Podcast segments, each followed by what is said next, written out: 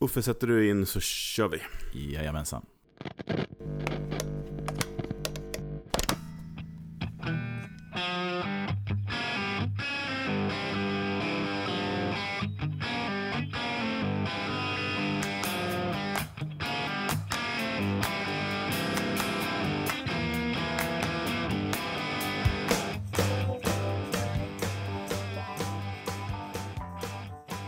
Och välkomna till Ultimate Guitar Gears podcast. Goddagens och välkomna. Jag är Ulf Edelund. Och det här är Fredrik Heghammar. Vad ska vi prata om idag Ulf? Vi ska gå down memory lane, eh, eller hur man ska uttrycka det. Vi ska prata om mässor. Mässor vi minns eller någonting sånt. Precis, för att tyvärr så har vi tagit del, eh, ja, det var några veckor sedan det kom ut, men att Fast Guitar Show blir inte av i år heller. Nej. Den skulle ju ha gått och stapeln i maj. Ja. Eh, och har varit tvungen att ställa in. Så det blir andra året i rad som de inte är. Så man börjar känna att man saknar de här sammankomsterna. Ja, och det är ju någonting här som går igenom överhuvudtaget överallt. Men just de här mässorna, att eh, träffas och kolla på prylar och eh, träffa människorna som finns i den här branschen på något sätt. Ja, Mm. så att vi tänkte väl att vi skulle försöka göra någon virtuell mässa här när vi pratar om minnen från mässor som vi haft. Mm. För det var ju faktiskt så att det här eh, Ultimate Guitar Gear, en del var ju att vi startade eh, på eh, Scandinavian Guitar Show i, Mm. på Galärvarvet som det låg då, ute på Djurgården. Ja men precis, exakt. Och eh, vi börjar ju ganska enkelt där med att ha bara ett bord. Ja, till och med delat bord med GMF-plankets eh, vad ska man säga, medlemmar. Vi hade ju ett det. helt skrotbord där, höll jag att men vi var flera stycken. Och det ändrade de ju snabbt reglerna på att det fick vi ju inte ha längre sen. Just det. Nej men där i alla fall eh, ställde vi upp lite grejer och eh, tänkte att ja, men alltid stöter man på någon som är intresserad av prylar och vill testa någonting eller fråga någonting och, och allting sånt. Ja. Så att det var ju superkul och jag kommer ihåg, jag tror att det var den mest, var det då du köpte din Baby Blue-pedal av Björn Juhl? Ja, det var också intressant för att det var nog första gången som åtminstone vi i alla fall stötte på Björn Juhl. Och det var precis i början på Jag tror hans... man hade eh, sett han på Torch back in the days, men Jo, absolut. Men jag tror den första gången som man pratade lite mer med honom. Och han satt också i ett bord och hade, om jag inte minns fel, två, en, eller till, en eller två eller tre pedaler. ja. Och eh, han hade en prototyp på det som skulle bli Baby Blue OD. Just det. Och eh, jag kommer ihåg att jag testade den och eh, tyckte den lät skitbra. Ja. Så jag sa till Björn så här att när du gör den första modellen så vill jag ha den som heter då, ja, 001 eller någonting sånt. ja, för du har ju en fabläs för nummer ett Ja, grejer. en liten fetisch, eller hur man ska uttrycka sig. Det är Ja. ganska töntigt. Men, men, men så är det. Så att eh, Björn satt där eh, med ett bord och visade sina prototyper. Och vi hade våra grejer. Vad hade vi för grejer med oss då? ja, Hade... vi hade Comet och Mystic vet jag i alla fall. Mm, Och lite Ja, men det var och Skydstrup också. Anders Bergdahl som var med då. mm, Hade ju sin Skydstrup. Så vi hade, ja men det var en ganska häftig och vi hade Tim Landgraf-pedaler. mm, Lite sådana saker. Eh, men jag måste nästan backa ett år för att mm. Året innan kom jag ihåg, det var första gången jag träffade Harry Koski på Custom Sounds. Just det. Och Mm. i den där sammanslutningen av människor så stod ju det verkligen ut den hörnan där nere. Mm. Eh, han hade alltid nere i högra hörnan där nere. Med, och han hade Buddha-förstärkare och han hade... Ja, Mad Professor tror jag inte hade börjat då såklart. Eftersom Nej. han träffade nog Björn också på Yes. den där mässan. För Björn hade bordet nära honom där Mm, på mm. året efter då. Mm. Men eh, jag kommer ihåg, jag köpte i alla fall en, eh, en Buddha-förstärkare. Just det. Mm. Eh, en eh, 112-kombo med el-84. Mm. Och så köpte jag den här Buddha Wowan som jag fortfarande har kvar. Mm. Som heter Budwa Plus tror jag. Så det är liksom Det är en liten knapp på sidan man kan trycka in med foten så blir det en boostpedal. Den kommer jag ihåg. Ja, men Ja, precis. Ja. Och den lät så jäkla bra den där boostpedalen ihop med eh, just den förstärkaren. Mm. Så att, eh, men alldeles för högljutt såklart. Ja. Men just Harry Koski på Custom Sounds var ju också en av de första handlarna på våra breddgrader som började jobba just med butikprylar. Ja, fin Finland höll han till ju. Ja men precis. Och han var ju ofta på de här mässorna i Sverige Mm. och eh, ja, var en, en, en, ett sätt för oss som var intresserade av butikprylar att handla grejer fast utan att beställa från USA så att säga. Ja, just det. Och på Mm. den tiden tror jag inte FASS körde va? De körde inte mässor då. Nej. Nej, det gjorde de inte. Inte, inte riktigt än. De drog igång det senare. Ja, jag precis. mig om. Utan Ja. här var ju fortfarande Anders Andersson och Halkan, eh, tror jag i första hand, som körde Mm. de här. Eh, Och vad hette, Jö- var Jörgen inblandad i de här? Nej, Nej, för han det var in- Jönköping. det var, Ja, och tror Göteborg också, Jörgen Ja. Pettersson. Så att... eh, Nej, jag tror, jag vet inte om, om, om, om Hellsten var inblandad ens i de här. Det kan han ha varit också redan på den tiden. Jo, men visst var han väl det? det För var- den hette ju Scandinavian Guitar and Drum Show. Just det, så att det var de här tre det musketörerna. var helt olidligt med ja, när Svenne hade uppe alla sina trumsetar och folk satt och bankade. ja, precis. Och sen så munspelaren Lee Oscar var ett stående inslag på övervåningen där uppe. Just det. Bland kokkorv och festis. Ja, men det var, det, var, det var alltså en mässa på, med, med ganska eh, låg svansföring, om man säger. Alltså, man, det Typ var ganska, swamp meat. Ja, men det var ganska charmigt på många sätt. Man, hade, man hyrde ett bord, satte upp, upp grejer på ett bord och sen så gick man runt och en del ja, köpte och sålde grejer. Ja. Eh, Det var swap meet lite grann och eh, inte så avancerat, inte några monterbyggen eller någonting sånt. Nej. Utan ett, ett Ja, men det är ju så som det fortfarande är, fast nu är det på Fryshuset. Ja, precis. Jag tycker att det har blivit lite sämre än vad det var på Galärvarvet. Och det är mycket lokalen. För Ja.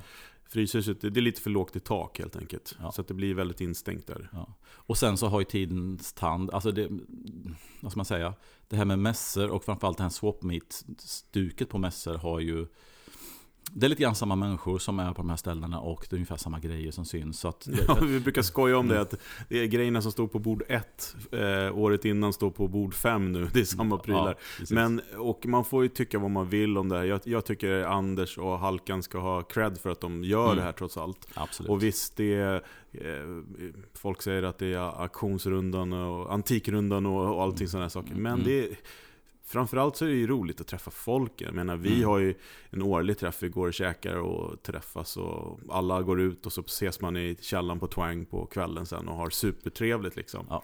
Nej men det har ju blivit mer att man, att det, det är en del av de här människorna som man bara träffar en gång om året på den här mässan. Och då, och då blir det väldigt intressant att, att ta ett snack med de här. Så att jag tror, för min del så har ju nästan sociala tagit större fokus än prylarna. Även Ja. om det är väldigt roligt med, med prylarna också. Mm. Men, men eh, vi har haft några magiska eh, tillfällen på Galärvarvet då, om vi pratar om det då. Mm. Ehm, och även, eh, ja, vi kom, eh, några på Fryshuset också skulle jag vilja säga. Mm. Men Galärvarvet där så hade vi ju, andra året så fick vi också tillgång till ett prov, eller, ja, provrum var det inte, vad, vad var det? Något ombytningsrum? Eller? Ja, eller någon som en tambur eller om det var du vet, en, en, ja, ett kapprum eller någonting. Ja. Och det rummet hade vi ju som, alltså vi var ju inte där, vi hade det som provrum tror jag, även första Ja, men- året. att man tog in stärkarna dit och provade. ja, just det, men andra året var det mer organiserat. Ja, och andra året så tror jag att vi ockuperade det där rummet och var själva i rummet, alltså hade våra grejer där, plus jag hade ett bord utanför. Ja, men vi fick också ansvar för provrummet och det har vi det. egentligen haft sedan dess. Ja. Och, och just den villkoren att vi hade ockuperade rummet var att andra kunde komma och få in och prova grejer. Mm. Men det som var coolt med det här rummet var att, att det var någonting med akustiken. Så varenda förstärkare vi testade där lät fantastiskt bra. Ja. Du hade ju ett moment med en, med en bad cat va? Ja, jag tror det var en Bad Cat som ja, bygger på samma, jag tror det var som en DC30. Den här tvåkanaliga.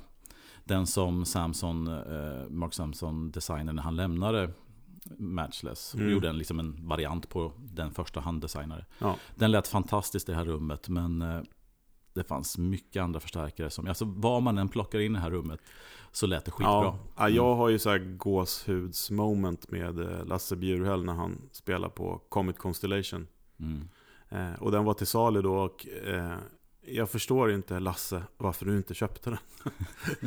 Nej, det, var, det var helt magiskt. Mm. Och Lasse Bjurhäll är ju en fantastisk gitarrist så han kan ju få det mesta låta hur bra som helst. Men där var det verkligen den klassiska 1 plus 1 blev 10. Ja, fy Lasse, och hans dynamiska spel i den här stärken i det här rummet. Absolut. Ja. Men sen på Fryshuset sen så hade vi ju också då första året tror jag, då delade vi rum med eh, Magne. Mm. Från, eh, vad hette den affären? God lyd va? Ja visst, som Mm. var då Norges motsvarighet till Custom Sounds. Mm.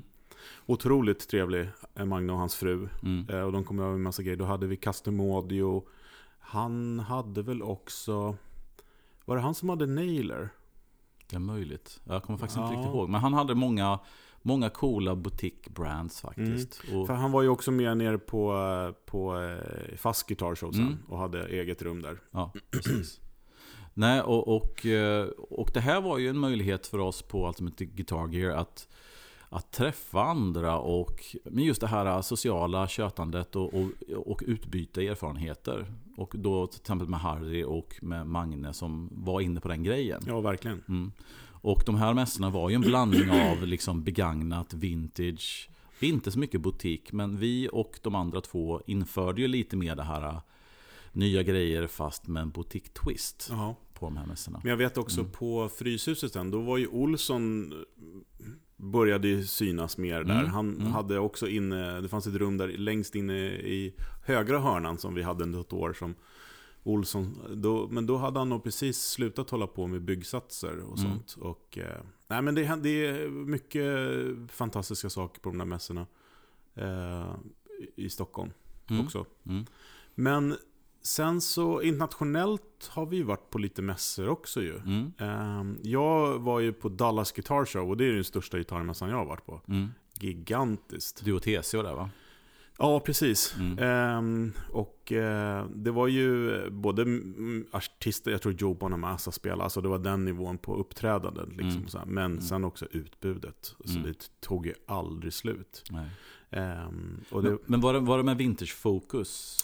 det, Ja, eller men var det, var lite blandat. Det var, li- det var Mm. väldigt likt... så här Ja, det var ju mer... Eh, mer eh, Scandinavian Guitar Show än fast. Men det var ju också vissa handlare som typ hade tagit hit hela sitt sortiment. Ja, det. Mm. Och f- faktum är, vi måste ju prata om fuss mera såklart. Mm. Fuss Guitar Show också. Men du vet så här... Ja men... USA-priserna är ju lite lägre än i- Mm. i, Sverige. Så där. Och så- Om man blundar och bl- blundar för moms och tull och sådana där saker. Just det. Eh, De små detaljerna. jo, men Mm. det i stridens hetta när man liksom sätter sig ner. Och jag vet att på den där, på den där mässan så eh, testade jag massa lokala byggare, eh, förstärkare och gitarrer. Men jag hittade en eh, Tom Anderson-tele. Ja, och det är ju lite udda för att vara dig. Liksom. Ja, det, är ju, verkligen. Det är inte en, en, ett brand. Jag har haft en Tom Anderson under den eran. Alltså, det var en riktig flametop möbelgitarr Ja. som jag tyckte var jättebra.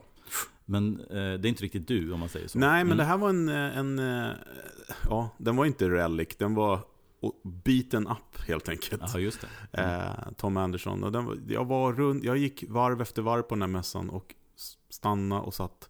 Och, men jag köpte den inte. Jag vet, och jag ångrar mig än idag. Och det är intressant det här liksom, hur, hur man ska bete sig när man råkar ut för det här. Liksom. Och det är också någonting som jag och Fredrik pratat om många gånger. Det här, okej, det här är ett instrument, förstärkare, pedal, whatever. Som man inte riktigt kan släppa. Mm. Och då har man ju den här frågan, eh, ska jag köpa den här eller ska jag inte det? Och eh, du kanske skulle ha köpt den där. Jag menar, du pratar ju fortfarande om den Tom Anderson-guran 20 år senare. Jo, Mm. jag vet. Men det Mm. var ju två andra gitarrer också som jag... Eh, jag har ju alltid gillat Taylor-gitarrerna. Mm. Och där är ju också så här, verkligen en vattendelare med, med det där huvudet då. Ett- A Tyler. Tyler, förlåt. Ja, det. Tyler. Ja, Tyler. James Tyler. Ja, exakt. Ja. Förlåt. Inte Taylor. Men, men han skrev sitt namn i, Ja, i rad på huvudet. Ja, men huvudet är, eh, är som Barbara Streisand, fulsnygg. Ja, precis. Ja, men det ser ut som det är gjort på en bandsåg av någon Ja, jag älskar i det. femman. Ja, jag liksom. älskar det. Men eh, det var en, eh, en lönnhals, alltså typ 57 då. Det var två strater. Mm, Typ en 57 och en eh, typ 62 mm, eh, Alltså med Rosewood-hals då. Eller ja, mm. topp. Den var svart och den andra var mintgrön. Okej. Och, och, den, och de stötte på på samma mässa alltså? Som, Ja, och det är lite Mm. roligt för nu har jag glömt bort namnet på han som han som håller mässan, någon sån här big shot. Det var hans gitarrer. Aha, hans Så det var, personliga, ja, okej. precis. Han hade, eller han, ja, han har ju en affär. Men, Ja, ja. Mm. men eh, han, det var lite roligt för det var han jag höll på att deala med. Och, och liksom så, oh shit, jag, må, jag kunde inte välja vilken av dem jag skulle ha. Nej, nej. Eh, båda var svinbra. Ja. Så att det blev ingen. Det blev varken en Tyler eller en Anderson? Ah, okej. Jag kom därför, jag kom från mässan med eh, Jag köpte en eh, Electro Harmonix Octa Diver eller vad de heter. En sån här, Ah. eh, Oktavpedal? ja till Mm. våran basist. Okej, inte ens Jag- dig själv? Jag nej. köpte eh, Electro Harmonix rör, jag köpte eh, True Bypass-switchar, en hel påse. För det var billigt. Ja, ja, okej. Eh, och jag köpte till mig själv, eller ja, de, det där var väl till mig själv. Men jag köpte en um, Civex Super Hardon. Ja, just det. Boosten. Ja, Mm. Silver Sparkle. Ja. Men om, om, om du skulle jämföra, alltså om du jämför Dallas Guitar Show till exempel med eh, Great Scan- Scandinavian Guitar Show, alltså som det såg ut när du var Ja. på antingen Fryshuset eller Galärvarvet. Ja. Är det bara en skillnad i storlek eller vad tycker du själv annars det är för skillnad? Eller? Ja, men alltså det, det ju, står ju ganska tydligt var Anders och Halkan har fått sin inspiration ifrån. Mm. Det här blandningen mellan musikuppträdanden och vintage och handlare hit och dit. Men det som kanske saknas på Scandinavian eh, Guitar Show är ju de här som man kan se på FUS, när det är en handlare som tar med stort sett hela sin butik dit. Mm, Eh, det. sa- det finns ju inte i Stockholm. Nej. Utan, eh, ja det är väl Tip Top Björn då kanske som, Mm. som är närmast att ta dit. Men det är ändå bara en bråkdel. Men du vet så här. Mm. ehm, Och Jam brukar ha med sig grejer också. Ja. Men, men det är några få så. Ja. Ja, men du, Mm. vet, du vet de här killarna, jag vet inte vilken affär det är, men de som brukar stå vid ingången på fusk, Fuskmässan i Göteborg. Mm. Det är ju som att gå in i en butik ju nästan. ja, just det. Eh, lite så var det mer Mm. eh, på Dallas. Och sen så de facto att det, är- det är så mycket ja, kända gitarrister som går runt. Liksom. Okej. Ja, och och, profiler. Som man, jag vet, det, det, är de som all- är med i alla liksom, utländska gitarrtidningar. Liksom. Mm. Eh, Handlare och sådana saker. Jo men det är väl lite grann som det om man tar en annan mässa som inte har Som, som är mycket större men som The NAM Show Ja, precis. Winter NAM i Anaheim Så är det ju samma sak där att Där är ju där, där ser man i varje bås så står ju då deras sponsartister amerikanska Så det är där man stöter på Mm. Var går man runt lite grann så ser man alla de här Därför att det är i USA och det är en stor mässa i Mm. USA Och det är väl en bra brygga kanske om vi ska prata om den. För Mm. där har vi också varit. mm, Ja men precis Eh, och eh, det var ju... I, vilket år var det egentligen? Ja, 2006 tror jag Ja, men det var ju då när den här The Gear Page, som den här kända amerikanska forumsidan, mm. eh, var, var... Ja, men jag vet det är fortfarande väldigt aktivt, men de Mm. vi sågs där Ja, liksom på en lunch väl, en frukost Ja, precis. Och, vi, Mm. och ehm, jag har pratat om det med när vi hade den här podden med Guitar Geeks med eh, Josh Schmidt. Mm. Då träffade vi honom där och Just vi hämtade ju Anders Bergdahls eh, blåa eh, Shaping-gura där. Shaping-gura. Ja. Ja. Mm. Och du köpte väl någon... Jag köpte min första, min första Hamer standard, 4-digit standard. Explorer-formad. Ja. Som är ehm, en eh, riktigt cool gura faktiskt. Mm. Men eh, för er som inte har varit där och sånt så är ju det, det är, en, det är allt ifrån näsflöjter till butikpedaler. Ja. Och butikgrejerna, eller det som, där vi hängde mest, det är liksom undangömt en trappa ner. Liksom. ja, just det. det är, alltså, The NAM Show är ju kan man säga det som också Frankfurtmässan hade. Eh, nämligen att det är hela musik, eller MI-sidan, Musical Instruments. Så det är inte stor PA, det är inte installationsprodukter och sånt, men det är alla musiksidan av branschen så att säga. Ja. Det innebär att det är tillverkare, det är distributörer, det är, det är handlare som ställer ut. Men framför allt kanske då eh, tillverkare som ställer ut. ja, just det. Och det är ju inte öppet för allmänheten, utan Nej. man måste ju ha en business för att... Man måste, ha en inbjudan och den får man via businesskontakter så att säga. Absolut. Mm. Och eh, innan vi går in på själva liksom, mässan och sånt, så är det ju så. Det, det är då på året, eller den är, den är sommar och vinter då i och för sig. Mm. Det är då när artisterna visar att de tillhör, alltså att de är sponsrade. Så Ja. där är ju, man blir ju väldigt starstruck när man går där. Ja, precis. Både på mässan och sen så har de här två stora hotellen, Hilton jag och... tänkte eh, precis säga det, att festerna också. Ja, det är precis. enorma fester hela Hänger tiden. man i baren på Hilton så lär man stöta på alla de här. Och, Ja. och det är en del, dels att man kommer till Kalifornien mitt i vintern och det är sommarvarmt. Och dels det här med att man, är, man känner sig som att man kommer mitt i, mitt i musikvärlden och musikindustrins Ja. eh, pulserande... Ja, men alltså det, man känner att man är mitt i det hela. Va? Ja, och när man går inne på mässan och tittar på prylar så går det ju runt eh, eh, Ja, människor delar ut biljetter till festerna på kvällen och det är Mm. liksom PRS som visar upp och har alla sina artister som spelar konserter. Och, Mm. ja, men det, är, det är en fantastisk tillställning. Men då det här själva eh, små tillverkar avdelning så att säga. Mm. Som är större än, än vilken svensk mässa som helst. Men Mm. där nere är det ju fantastiskt. Där, där kunde man verkligen upptäcka nya prylar och Mm. sånt. Mm. Jag kommer ihåg det året vi var där, då hade vi ju, eh, jobbat en del och, med mollon. Mm. Eh, koreanska effekter. Så det var roligt också. Då träffades vi där för första gången. Mm. Eh, men den här mässan får man ju inte handla på. Nej, utan man, jag tror att det är som man får den, man kan, alltså ser man en gitarr så kan man då som handlare gå och boka den. Just det. Eller köpa den och sen så efter mässan så för, ja, Efter alla NAM shows så brukar de här stora handlarna ha okej den, This NAM guitar from this Alltså att, att det, det här är en NAM-gitarr Ja, nej, men jag kommer Mm. ihåg vi fick ju med oss en hel påse med mollonpedaler. Mm. Men att eh, det var ju en... ja, det var ganska svårt att få ut dem ur lokalen. Mm. De är stenhårda på det. Ja, precis Eh, men det är ju en fantastisk mässa. Eh, vi, ja, men vi, vi både spelade saker man inte trodde fanns, eller på säga, men, eh, Mm. och träffade människor och sånt. Så det var ju... Ja men det, det är just det liksom att går man dit och vill testa en Sir-gura Ja men då står, då står man och snackar med John Sir Ja, i, i, och hans anställda Istället för att snacka med en, distributör, en tysk distributör som man kanske gör på Frankfurtmässan då mm. Så att det är ju verkligen De är ju där Men du har ju varit på Frankfurtmässan också. Ja. Hur, hur är den då? Är den större eller? Den är mycket större och den känner... Jag, om man har, det beror på vad man, från vilken ingång i branschen man kommer. Kommer man från eh, butik och musiksidan så är Frankfurt intressant också. Eh, Eller vad ska jag säga, för den, nu är den ju nästan den helt enkelt försvunnit. Och det är långt, långt innan Corona så, så tappar den jättemycket. Men, men den är mycket större, den är lite opersonligare. Och där är det oftast distributörer av de här märkena som ställer ut. Om de är amerikaner så att säga. Just det.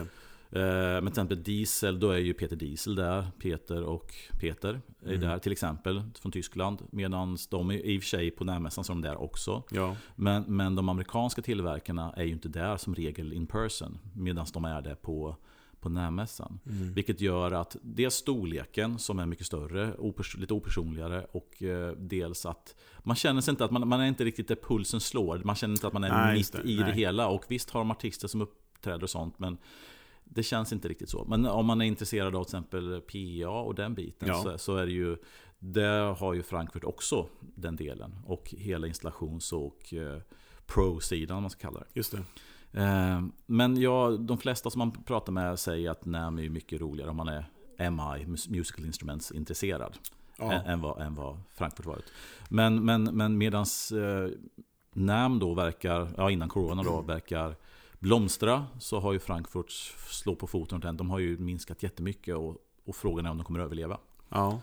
Eh, och det var till och med innan Corona och nu med Corona så kanske det var dödsstöten för den mässan. Vi vet inte. Men är det kanske, för jag tycker man ser, jag tänker på att det är mer distributörer där i Frankfurt som du sa, Mm. eller hur? Mm. Och trenden nu är ju att skippa distributörer och Mm. att köra själv. Jo men det har, det har ju också att göra med kostnader att ställa ut på en sån stor Jag mässa. tänkte precis säga det, Ja. för NAM, det är ju en, Mm. alltså är man med där då gör man ju en stor investering. Ja, och samma sak med Frankfurt, det är svindyrt att ställa ut. Och nu med alla de andra kanalerna som finns via sociala media och YouTube och allting sånt så, så kan man nå ut till människor utan att ha en monter. Mm. Eh, och vill man då träffa sina dealers eller distributörer så kan man också göra det på ett annat sätt. Så att, eh, och framförallt med Corona så har ju sättet att umgås också ytterligare tagit ett steg ifrån det fysiska så att säga. Mm. Så att eh, jag tror att in, redan innan Corona så var det här på, på ut, i utförsbacke. Och jag, jag tror att Corona har liksom satt dödsstöten i de här stora mässorna med stora dyra montrar. Därför Just att det kostar så pass mycket. Mm. Men, men en annan grej som vi har varit på några gånger genom åren, eh, ett fenomen som eh, Jörgen på Twang och dem, när, när Twang var mer av en gitarraffär, nu är det Mm. mer ett café. Mm. Men, man kan också sälja, köpa gitarrer Ja. i källaren. Men eh, det var ju det här med att ta, liksom, hyra ett hotell Mm. och hålla. De hade ju på Hard Rock eh, Café, på festvåningen där, Mm. någon gång. Eh, då, då kommer jag ihåg, det var första gången jag såg eh, din Fender, eh, vad hette den? Junior, eller vad hette den? Just det, Custom Shop Fender med P90. Ja, Och, eh, genomgående hals. Ja, limmad eller genomgående hals i eh, Chambered Mahogny tror jag. Ja, Som var en ganska intressant variant. Det var bland de första gångerna man såg Fender närma sig Gibson på något sätt. ja verkligen. Mm. Eh, och eh, vad var det för färg? Det skulle vara guld, men det var ju mer silver. Ja, det var Old Shoreline Gold Ja, tror jag. Eller Faded Shoreline Gold. Och jag hade då trott att det skulle vara mer guld. Men den blev nästan så här lite champagnesilvers Metallica. Ja, eller? verkligen. Det såg Mm. ut som en silverfärgad sportbil. Ja, precis. Ja. Men något lite champagne-guldigt i det, men inte så mycket. Nej, Men och, ja. otrolig gitarr. Ja, jättecool. Och verkligen. jag köpte ju en sån Sunburst sen. Mm. För jag tyckte om den så mycket. Ja. Men just det här med att, att, att istället för att ha en stor mässa i en stor lokal och man har bord eller man bygger monter så var ju det här ett sätt att ha mindre rum. Men det också, vi var ju också på en annan mässa i USA. Ja, precis, det var det jag skulle Ja, säga. mm. För att i LA då, då det var inte där vi var. Nej. Men där, där startade då eh, LA Amp Show. Mm. Där några eldsjälar tog över ett hotell. Och sen så i liksom olika rum på hotellet så är, står det för, ja, förstärkare och gitarrer och grejer Mm. hit och dit. Det gjorde de en New York-variant på. Mm. Eh, och jag bodde ju i New York då, så du kom ju över och hälsade på. Mm. Och så åkte vi dit. Och det var ju inte ens i New York, för det var i New Jersey. Ja, det var skitlångt från. Det var liksom nu typ en timmes tågresa Ja. ut i New Jersey Ja. från Manhattan. Men det var ju superhärligt koncept. Mm. Och det året, det var ju ganska litet, men vad kan det ha varit? 30-tal utställare kanske? Ja. Olika rum. Ja. Och för oss var det ju himlen, för vi Mm. fick ju gå runt och eh, testa det ena efter det andra. Och det minnesvärda är väl eh, eh, satel, sat, Satellite, eh, Mm. eller satellitförstärkarna. Mm. Eh, Och Landry. absolut. Ja. Eh, och Comet och hade, hade ju där också. Mm. Eh, jag tror att det var Gene på Ultrasound som hade ja, Bruno och Comet. Mm. Mm. Bruno har ju du haft också. Mm. Ja men precis. En Underground 30 Ja, reverb. precis. Tony Bruno, han, eh, han pratas inte lika mycket om längre. Mm. Eh, fantastisk byggare Mm. faktiskt. Håller Mm. till i New York. Mm. Nej, men det här med konceptet med att ha en mycket intimare mässa där du istället för att gå från bord till bord går från ett hotellrum till ett hotell, eh, annat hotellrum Ja, gör ju att det blir väldigt intimt. Och då blir liksom du gör, ja, du kommer in på ett kontor nästan och sen så får du sitta och testa en stark i jag menar också att man får prova ordentligt. Ja men precis, och man kunde spela på lite volym och eh, Sen gick man ut från det hotellrummet, ut i korridoren till nästa hotellrum och där satt man och testade en annan förstärkare. Mm. Det blev lite mer åtskild, lite mer isolerat men samtidigt också lite mer intimare i provtillfället. Verkligen. Och det, och det där är ett koncept som är ganska vanligt i USA men som i Sverige inte har varit någon stor grej. Mer än det här som du säger när, när Jörgen och Twang organiserar. Jag vet inte om det var de som var organisatörer av den mässan. Jo, men jag tror det. Mm. Precis. Eh, Jag får med det. Men det var ju... Det var ju en festvåning på, på Hard Rock Café. Ja, så det var inte ett hotell egentligen på det Nej, sättet. egentligen inte. Nej. Precis. Men det, det blev en liknande grej med att det var fler rum. Ja. Mm. Men vem vet, det kanske man kan ta tag i det konceptet, för det är ganska kul. Eh, Men det gäller ju också att man kan fylla det med, med olika tillverkare. Och det borde man kunna göra nu med tanke på att det exploderat med folk som bygger förstärkare och gitarrer och pedaler och sånt. Så, eh, ett väldigt, väldigt kul format. Sen måste vi också naturligtvis prata om Fast Guitar Show. Exakt, för det är Mm. också, jag skulle vilja säga att, okej, det är inte så mycket demos i hotellrummen och sånt, men Mm. hotell, det är en fantastisk lokal är det ju. Mm. Att, eh, vad, vad heter det? Number one hotel? Eller? Just det, och det är Eriksdalsvarvet, Ja. eller en del av Eriksdalsvarvet tror jag. Mm. Så att Det- hotellet och, och konferens, eller, eller eh, ja, hallen så att säga, där Mm. utställningen hänger ihop och det blir ju en väldigt härlig smältdegel. Ja, man bor alltså några meter ifrån själva lokalen och det är ju två stora maskinhallar tror jag. Ja, På den tiden som Göteborg var stor varvsstad, eller fortfarande, men alltså det tillverkades fartyg där. Och det som jag tycker är coolt med Fast Guitar Show är just den här blandningen. Därför att den har lite högre svansföring när det gäller hur man eh, ställer ut. verkligen. Och det beror ju på att det är väldigt många distributörer, eh, svenska distributörer som, som åker dit. Lutman, Fitzpatrick, eh, alla de här stora. Och då bygger man ju ordentliga montrar. Och alla de här distributörerna ser till att de har då demoartister där. Oftast, ja, som, som då tillverkarna skickar dit. Ja, Så att det blir lite happenings med bra gitarrister och bra artister.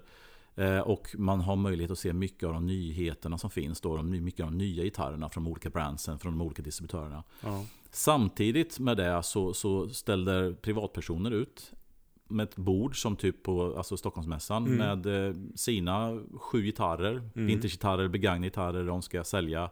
Och allt emellan. Och det vi har märkt de sista åren nu innan vi innan det stängdes ner på grund av corona då var att mer och mer butik kom till. Alltså mycket handbyggda gitarrer, Ja, oh mycket ja. akustiska gitarrer, eh, mycket butik. De där eh, gitarrbyggarskolorna går ju varma nu. Ja. Eh, och det är, det är super, super roligt. Men det ska också stå ett slag för, det är ju också övervåningen på, på Fast Guitar Show. Ja, och, och där har du det här med, där har vi de här med rummen. Det Ja. har vi lite grann, och, det som, och det är än en gång det som jag tycker är coolt med Fast Show. För du har de här rummen som man kan hyra om man vill spela lite mer.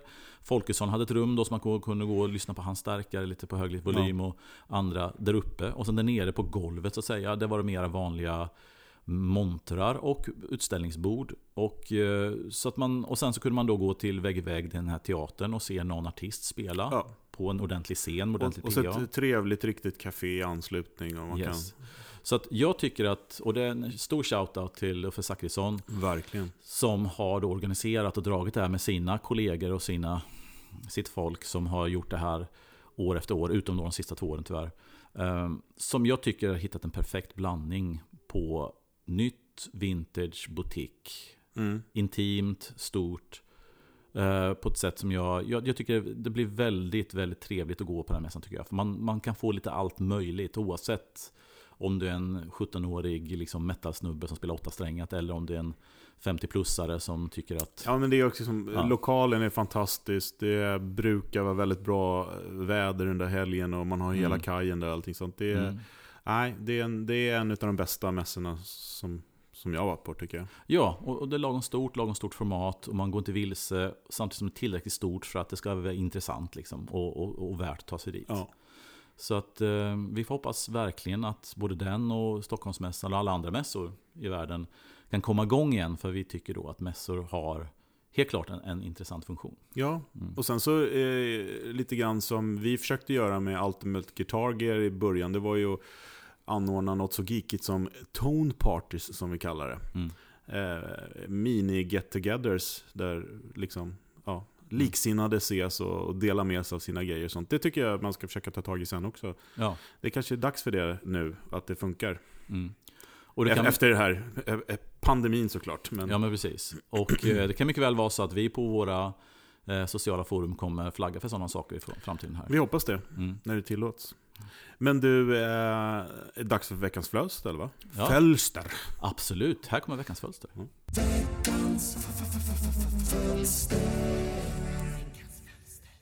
Så, veckans fölster nu igen då.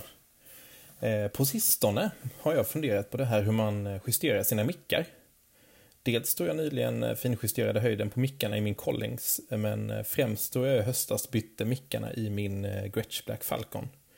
Eh, Gretsch originalmickar åkte ut, eh, TV Jones Ray Butts åkte in. Fantastiska mickar, men mer om det en annan gång, tänker jag. Det jag grubblat på mest är frågan om man lägger mest vikt vid att varje mick ska hamna i sin sweet spot eller om man prioriterar jämn balans mellan de olika mickarna. Eh, eller någon kompromiss mittemellan. Jag tror att båda skolorna finns och båda har sina poänger.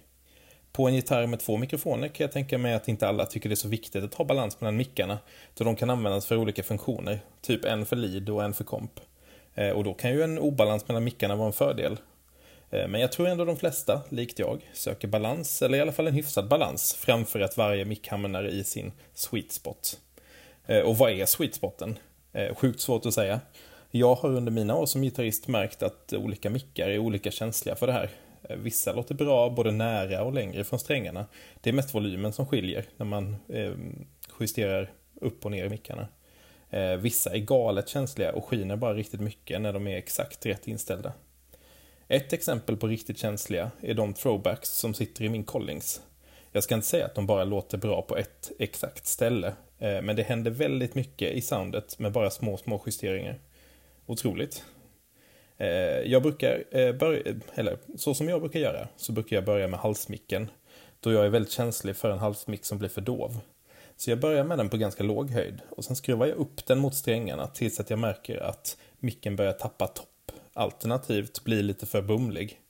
När man har hittat den sweet spoten eh, så justerar jag stallmicken som jag generellt sett tycker är lite mer förlåtande med höjden och balansera den mot halsmicken så att det ungefär ligger på samma output-volym. Det tycker jag brukar funka bra för, en, eh, för mig på en gitarr med två mickar. Halsmick sweet spot, stallmicke, balans. Oftast i alla fall. Eh, när det kommer till mickar där man kan justera de olika polerna på varje mick så brukar jag låta dem vara som de är från fabrik. Skulle jag få problem att en sträng känns väldigt låg eller hög i volym jämfört med de andra så får jag ta den fighten då. Eh, det är ingenting jag har stört mig på någonsin, tror jag faktiskt. Jag tror jag har eh, någon gång eh, köpt en gitarr begagnat möjligen. Eh, där eh, det var skruvat på polerna och då skruvade jag ner någon av dem. Kan det ha varit G-strängen, känns klassiskt. Men eh, annars, det är sällan jag tycker, tänker på det och orkar gräva in mig i det om jag inte stör på det. Eh, hur brukar ni resonera kring det här, Fredrik och Uffe? Eh, balans, sweet spot eller kompromiss? Och eh, ni som lyssnar får gärna kommentera på so sociala medier vad ni tycker. Så hörs vi! Tack Fredrik Fölster. Eh, du är en klippa. Eh, intressant, även som vanligt höll jag på att säga. Men Ja. alltså det här med mickar och eh, inställning av mickar. Ja, Hur, hur ser du på det Fredrik? ja men jag, jag håller med allting Fredrik säger. Och hur jag ställer in dem och återkommer till. Men jag hade ju förmånen att i våras och i somras eh, jobba lite hos eh, Danne Cordelius på Guitar Geeks Mm. i, i, i Fruängen där. Eh, eh, och, eh, eller Västertorp, förlåt. Det är där det ligger helt enkelt. Just det. Eh, men, eh, det, och det var ju väldigt många som kom in och ville byta mikrofoner. Mm. Och det är förvånansvärt få människor som spelar gitarr som justerar mikrofoner på sin Mm. gitarr. Mm. Och det var liksom ganska, det är klart att Danne vill sälja gitarrmikrofoner. Men Mm. det är också som att man vill ha nöjda kunder. Så ibland så, ja, men, har du provat att höja och sänka? Liksom? Ibland såg man ju direkt att, ja, vad är det som du saknar? Ja, men jag tycker jag vill ha lite mer topp. Så här, bara, ja, inte Mm. konstigt. Din mix sitter jättelågt eller din Mm. mix sitter jättehögt. För det är liksom, Mm. sitter den för högt så Mm. rör sig inte strängarna ordentligt på grund av magnetismen och sitter den för lågt så blir det liksom för, för luftigt. Och, eller ja, det blir för mer diskant kanske när du drar ner. Men, Mm. nej, men, eh, så att man kan göra väldigt mycket. Mm. Och det, det var så sent som i veckan det var en kille som skrev att han, han skulle börja spela country var på, på Facebook. Eh, och han eh, ville köpa nya mickar. Och då Mm. frågade jag så här, ja, men vad har du för gitarr nu? Men då hade han liksom typ en standard tele. Liksom så. Mm. Ja, det borde ju funka väldigt bra att spela country på den. Liksom. Mm. Har du provat att höja och sänka mickarna? Men det hade han ju inte gjort. Mm. Eh, Utan det första man tänker är att man ska köpa nya mickar. Mm. Och, eh, och det där är intressant också. Om, om man säger så här, Fredrik sa väl, tror jag, att han börjar med halsmicken. Ja. Att det är den som, och sen så gör han åt andra hållet. Jag personligen gör tvärtom därför att jag spelar ju 70-80% på, på leadmickar oavsett Mm. gitarr jag har egentligen. Ehm, så att jag, jag brukar alltid gå på leadmicken först. Mm. Och sen tycker jag det är väldigt intressant därför att alla mickar är ju, alltså olika typer av mickar reagerar på olika sätt. Jag har märkt att, jag kör ju en del Filtertrons och jag märker att Filtertrons, de jag använder det är TV Jones Classic än så länge. Jag kommer få en gitarr nu med Ray Butts på som ska vara intressant att höra hur Mm. de fungerar. Men min erfarenhet är att jag måste trycka upp dem väldigt nära strängarna. För att få den här punchen i, i mickarna. På ett, alltså så pass nära strängarna så att en vanlig humbucker eh, inte hade funkat så nära. Ja. Och, och hade tryckt upp en single coil så nära så hade det blivit string pull så det bara skriker om det och inte heller funkat spe- speciellt bra.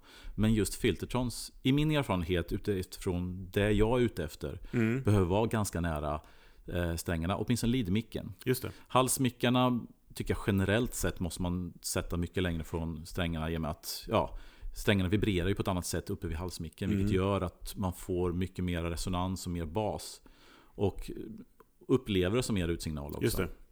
Så att, eh, så att jag sätter min leadmick efter, så den bestämmer allting annat. Och sen så sätter jag halsmicken därefter. Mm. Ja, jag, jag, jag, gör exakt lika, jag, liksom. jag gör likadant, bara för Mm. att, precis som du, att jag lever mer på stallmicken. Eh, och jag tycker att med single coil-gitarrer så är det ju mycket lättare att få balans på det. Mm. Eh, men på humbucker-gitarrer, beroende på gitarr mycket, Mm. kan det vara svårt. Mm. Och vilken style man har. Jag tycker att vin, luftiga vintage-mickar kanske är lättare att hitta balans mellan. Mm. Eh, jag kör Ox 4 på en av mina och Throwbacks på en annan gitarr. Eh, otroligt bra mickar och bra balans emellan dem. Mm. Eh, ett annat trick är ju att eh, jag har en TLL Deckard Mm. som sitter TV Jones Filtertrons på, men de ser ut som P90, men det är Filtertrons. Yes. Eh, och den har Björn Juhl gjort någon sån här eh, base cut kontroll på. Just det. Och det, Mm. för, att, för det är precis som Fölster säger, det, det, oftast är det inte liksom så här output-nivån som är svår, utan det är liksom, nej, halsmicken blir lite för basig ibland. Mm. Ehm, och det kan vara coolt också. Mm. Ehm, det är många som älskar det soundet. Men om man, jag gör det inte. Jag vill ha lite mera liksom, topp, diskant. Ja. Definition ska vi säga. Ja. Eh, och, då, och då funkar en sån basscut väldigt, väldigt bra. Ja, för det du sätter, det sätter ju fingret på problemet jag har med alla mina handbackegurer, både min XG och Les Paul, är just det att, att när du har ställt in din leadmix och den låter bra och låter fett utan att ha, komma för nära strängarna men ändå inte tappa attacken. Och sen så går det till halsmicken. Och då vill man ju då matcha halsmickens utsignal med då leadmicken. Ja. Och när man gör det, då får man nästan alltid för mycket bas, för mycket boomlighet. Och vad gör man då? Jo, men då flyttar man ju då halsmicken neråt för att minska det här basiga. Mm. Men då tappar man punchen och utsignalen. Mm. Och kunde man då, i det här fallet du berättar då, att skulle man kunna skära basen på halsmicken så skulle man antagligen kunna ha den närmare strängarna för att kunna matcha leadmicken bättre. absolut. Utan att få för mycket av det här Ooh, Ja. klassiska eh, Nej, men jag rekommenderar Mm. att titta på det, för att eh, det är klart du måste offra en tonkontroll då. För Mm. man vill inte sätta borren och sätta dit en till. Nej. Men, men det kan vara värt att göra. Ja. Och om man kollar på din Les Paul till exempel som, är, som har väldigt mycket midrange och punch i sig och inte är jättebasig så fungerar ju din halsmick jättebra. Ja, verkligen. Det, Ja. Mm. det är en 72 eh, som är routad då för handbackers.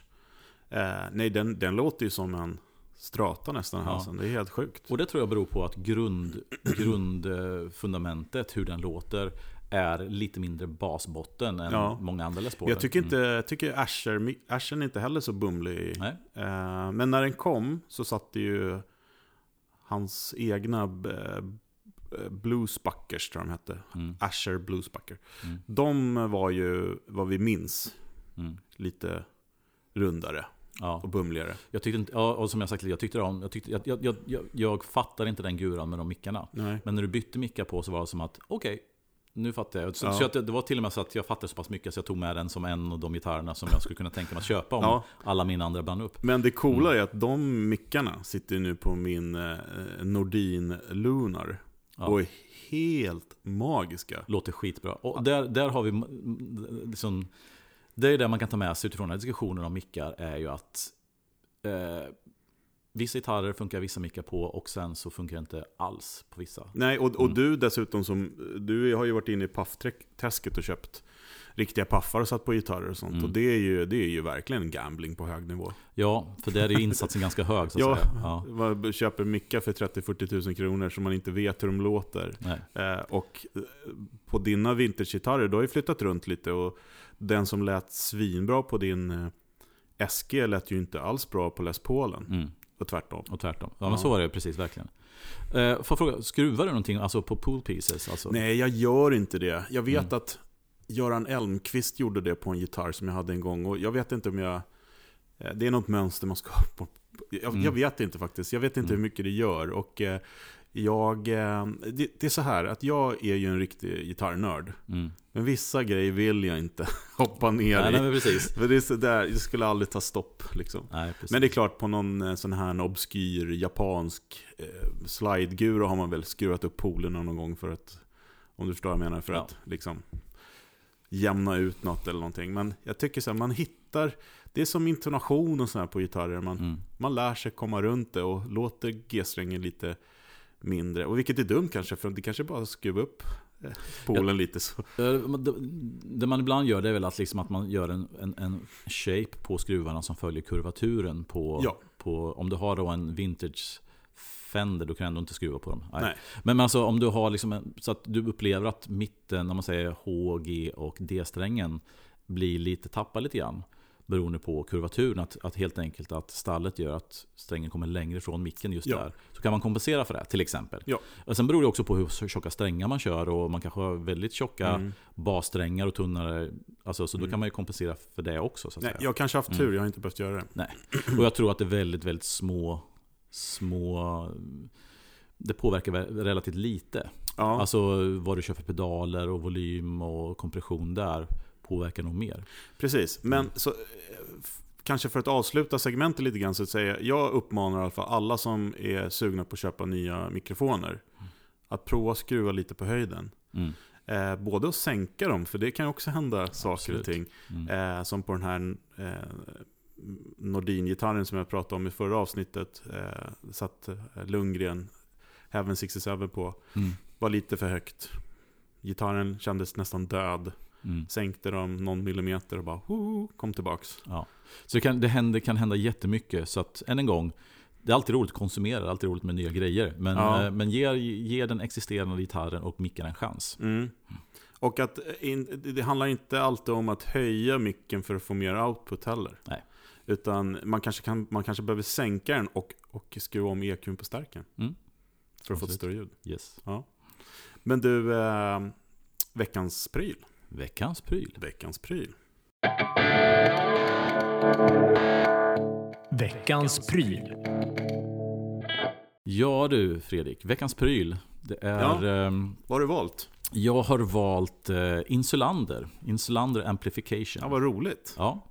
Dubbelroligt tycker jag. Ja, precis. Och eh, det här är ju en förstärkare som jag har ägt, inte jättelänge, något år eller så. Mm.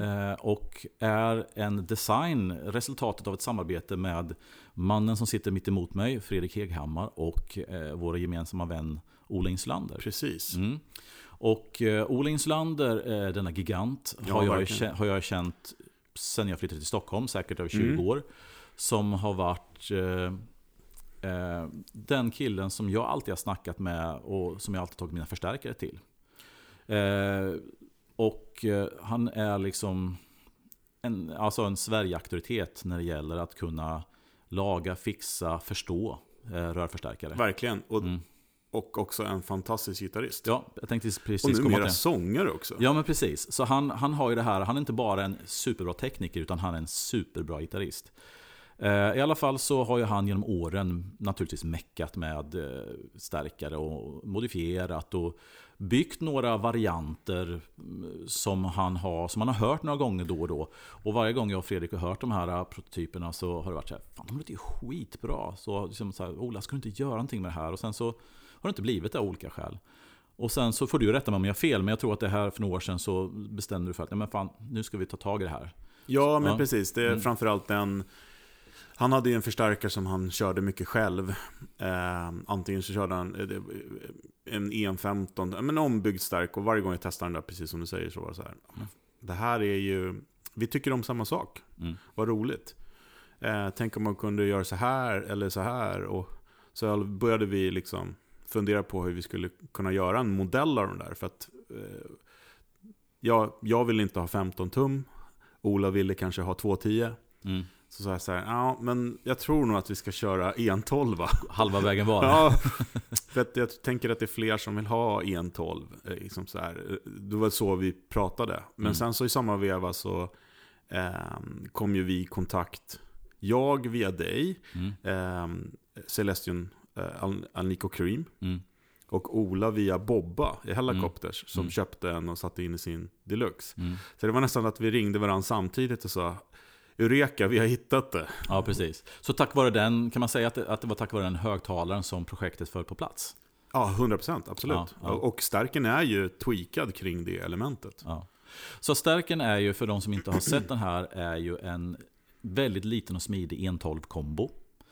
Eh, som har då två stycken 58-81 rör Yes. i slutsteget och ger 35-40 watt ish. Ja, Ja, ja. Någonstans där i krokarna. Eh, och har då en vanlig trebands EQ med volym och en treläges bright switch. Med två. Tvåläges, förlåt, tvåläges. Och då inbyggt reverb och inbyggt bias tremolo. Mm. Mm. Så att det är ju en, en, en, en förstärkare som jag, alltså jag hade ju hört eh, Olas prototyper och sen så när jag hörde att ni skulle göra det här så ja, då har jag ju min lilla konstiga fetisch för att jag är dum i huvudet så jag vill ju ha nummer ett. Jajamän. Jag frågar inte varför. Det hade jag redan bokat den platsen till dig. Ja, jag vet inte. Jag vet inte vad jag ska säga. Men, men eh, i alla fall, så, och det som jag tycker är coolt med den här förstärkaren är att den har mycket av det här som man tycker om i en bra rörförstärkare.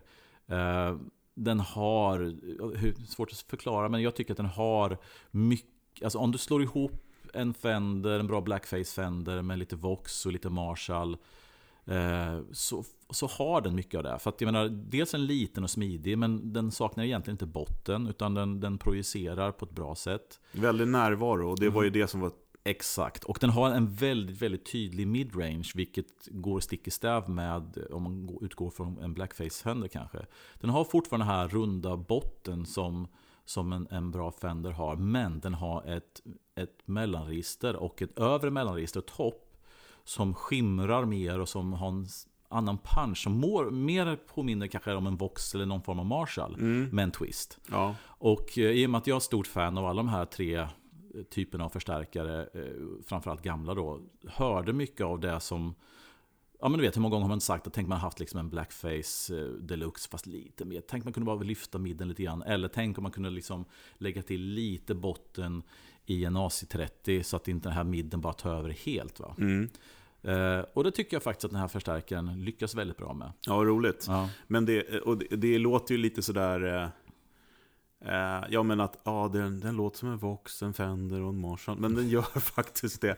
För det elementet tillför ju Vox karaktär väldigt mycket. mm, mm, Eh, Medan då eh, midden och det är ju mera Marshall. mm, Och sen så har du liksom precis som du säger det här Sweet liksom från, från Fender. Och Mm. drar man av midden helt, eh, stänger av brighten mm. eh, och, och ökar på diskanten, då får du ju då får du skopet liksom. Ja. Och, och, och det, det är än en gång också det att, att, att eh, EQ-kontrollerna funkar. Ja, Och är effektiva i, i respektive områden. Som, som, man hör att, att EQn är voicead av någon som vet hur det ska fungera och kännas och låta när man spelar gitarr. Ja, exakt. Och, Mm. och det, är det, det är där liksom eh, Olas kunskaper om att kunna omvandla eh, en känsla ett, alltså, till ett ljud helt enkelt som Mm. funkar. Mm. Men, men en grej som är också är, är lite speciellt med den tycker jag, och det har vi pratat om i tidigare avsnitt, det här med transienter. Jag tror att det var Ken Fisher, vi Mm. pratade om Comet och sådär. Mm. Det är så här när man... eh, För den här förstärkaren upplevs som att den har ganska mycket headroom. Mm. Det är en jättebra pedalplattform. Mm. Och man får dra på ganska högt om den ska liksom Mm. dista. Men grejen är att den går ganska hett. Eh, Vilket gör att man får väldigt mycket transienter även om Mm. man har låg volym och rent ljud. Ja.